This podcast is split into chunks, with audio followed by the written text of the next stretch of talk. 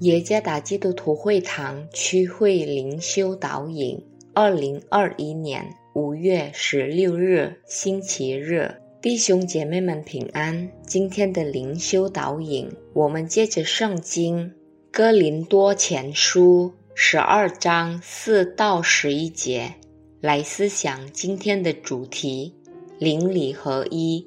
作者。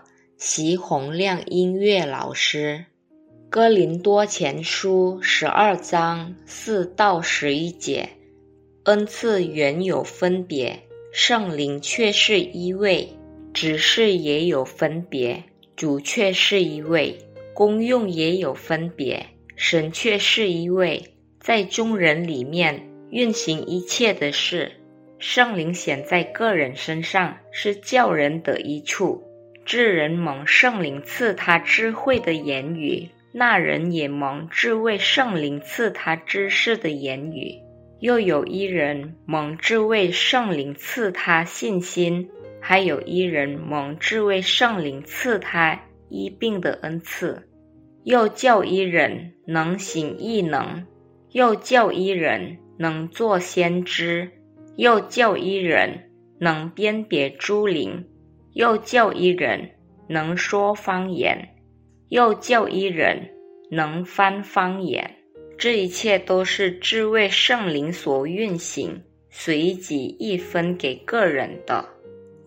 基督的身体是上帝与他教会结合的完美形象，基督为头，教会为他身体的肢体，为了共同的益处。会中被配备各种属灵的恩赐来彼此服侍，但实际上对属灵恩赐的误解和误用经常发生。在这方面，使徒保罗关注了哥林多会中的行为。悔改之前，哥林多会众滥用他们的才华和优势，作为满足与荣耀自己的舞台。所以，保罗透过展示属灵恩赐的正确认识，对这些事给予充分的重视。所有的属灵恩赐都是从上帝而来的，并是用来荣耀上帝的。每个人按照上帝的旨意得到特殊的属灵恩赐，但不是人类所认为适当的恩赐。在各种的服饰中，也有各种的恩赐。有智慧和知识言语的恩赐，医病的恩赐，预言的恩赐等等。虽然多样，保罗解释这一切都是由同一位赐恩者所完成的，就是同一位圣灵、同一位主与同一位上帝。这说明了在多样性中存在了一种关系和统一性。作为基督身体的肢体，这应该在会中的统一中也显现出来。每个信徒都被赐予至少一个属灵的恩赐。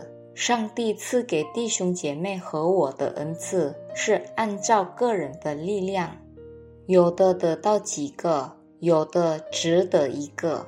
如果到今天，上帝还将恩赐托付给我们。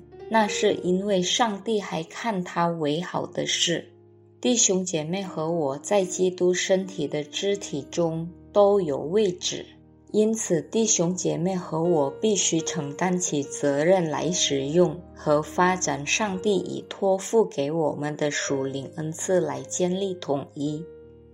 最重要的意识就是清楚一切都是从上帝而来的。并是用来荣耀上帝的，包括属灵恩赐。上帝赐福。